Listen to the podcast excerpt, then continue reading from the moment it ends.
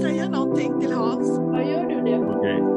Du, jag blir så glad och ler när, när du säger om det här äh, sången. Jesus älskar alla barnen. Jag lärde mig också den. I söndagsskolan. Och jag blir så glad för det här har jag glömt bort och när du säger så påminner mig om söndagsskoletiden. Ja. Helt fantastiskt, det har vi gemensamma minnen. Och, och, och, och den var viktig, den tiden var jätteviktig. Åh, det var jätteviktigt. Mm. Den eh, liksom ökade tron på Gud. Jesus, du vet, Jesus var ju det centrala då. Så att, ah, jag blir glad i alla fall. En fin påminnelse. Då var världen så grön och ljus och hoppfull. Ja. Nu är det knappt någonting kvar av det. Mm. Men jag har problem med tilliten. Nu är det inte så mycket kvar av det, men, Ja. det, det, det, men i alla fall. Ja. Tack för det. Jag skulle gärna flika in här att, ja, tack så mycket Hans. Eh, apropå den där sången där, Julie frågade mig också, har du hört den när du växte upp? Nej, det har jag inte gjort. Och förklaringen är helt enkelt, jag är växt upp i Svenska statskyrkan så att den där sången har helt mig gått förbi. Det var roligt att höra vad som pågick i frikyrkorna. Ja. Nej, men det var i Svenska kyrkan jag lärde mig det. För jag gick inte söndagsskola i frikyrkan, utan Svenska kyrkan. Jaha. Det var där jag lärde mig den, i söndagsskolan i Svenska kyrkan. Ja, okej. Svenska kyrkan var inte helt förtappad. Nej, inte då. Men, men jag lärde mig också den sången. Ja. Okej, ja, var bara jag. Mm. Får jag säga någonting mer? Jag tycker det var ett bra tema Hans tog upp där. Jag håller helt med. Viktigt att fundera över det här med värderingar och så. Och jag vill knyta an det då till det här mötet vi skulle ha då. De, eh, eh, den första, eller nu på den 20 va? hemma, hemma hos oss eller via Zoom då vi är föräldrar. För att eh, det är ett viktigt möte första maj. Det är jättebra val där Ingmarie, första maj. För att eh, jag förstår att du har tänkt på det därför det är ju dagen för kyrkans grundande. Ja, just det. Eh, Kyrkan grundades ju, far grundade kanske inte egentligen första maj, men han firar alltid första maj därför att det är ju arbete, det var marxismens dag blev det. Och då tyckte han att det är som en counter då, för då skulle det vara första maj.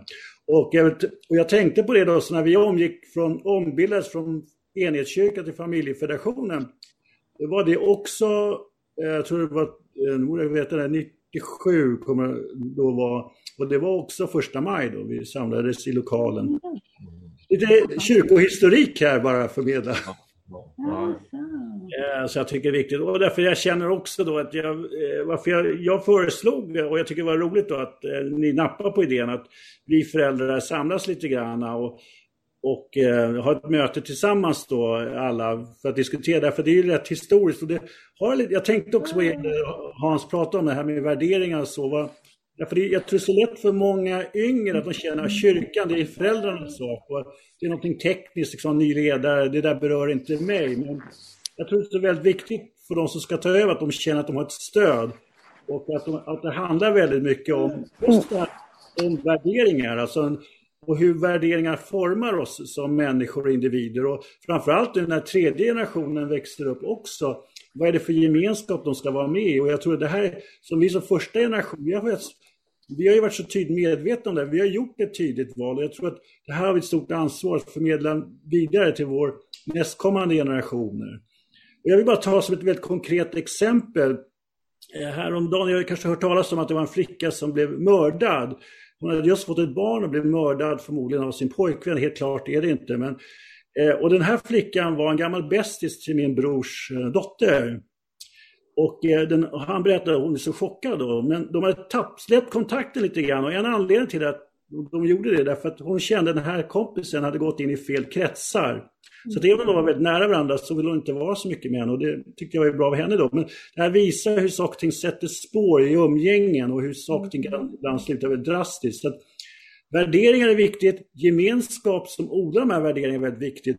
Och jag tycker att det här är en viktig sak att förmedla varför det här med framtida ledarskap, vi måste ha bra värderingar, förtydliga det här för att för att eh, eh det ytterst är det som framtiden i vår rörelse handlar om väldigt mycket. Det, det är väldigt mycket sådana tekniska saker, agenda vi ska göra, olika mål. Men vi får ju aldrig glömma bort att det som jag tyckte Hans också belyste väldigt väl, att bortom de här värderingarna handlar det om att utveckla oss andligt. Och det gör vi också, inte bara individuellt utan kollektivt. Mm.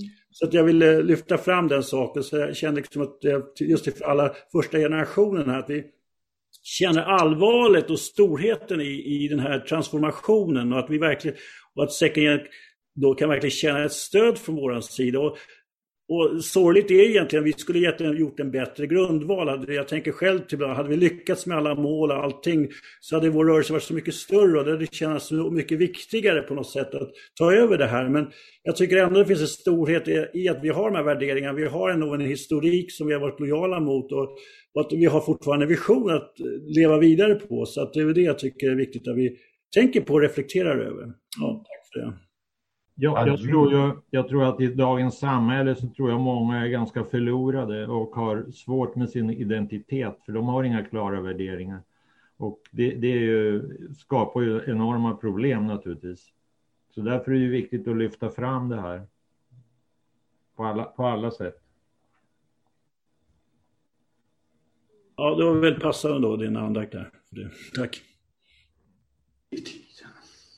Thank you Hans. Thank you, Hans. I, I, I, thought it was really good that you could identify certain values. You know, even if they're just the values you come up with, mm. the fact that they're stated uh, is kind of a, gives a framework to, to think, think about. You know, of those values, would which of those would be the ones I would take, or uh, actually I could take all of them. but, uh, it's just very good that that they're put out there. Mm. Yeah.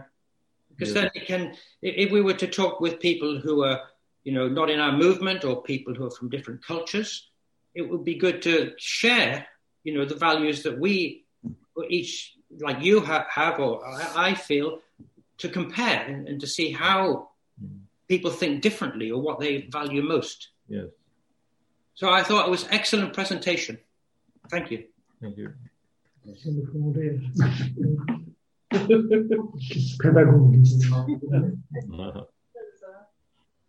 okay. Sara.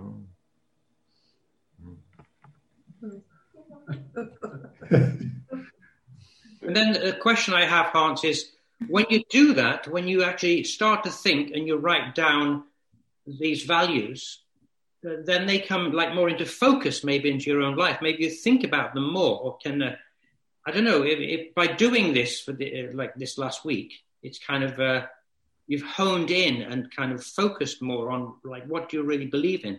What's important to you? Yeah i, I think so uh, because it has to be connected with my life obviously. And uh, yeah uh, probably there are there, there are quite many more values, you know, which can be put in there. But uh, this was what came to me, mm. kind of, just like that, you know. Uh, yeah. Uh, if I think a little bit more, I will probably come up with more. I'm sure, but uh, this is what came to me, like.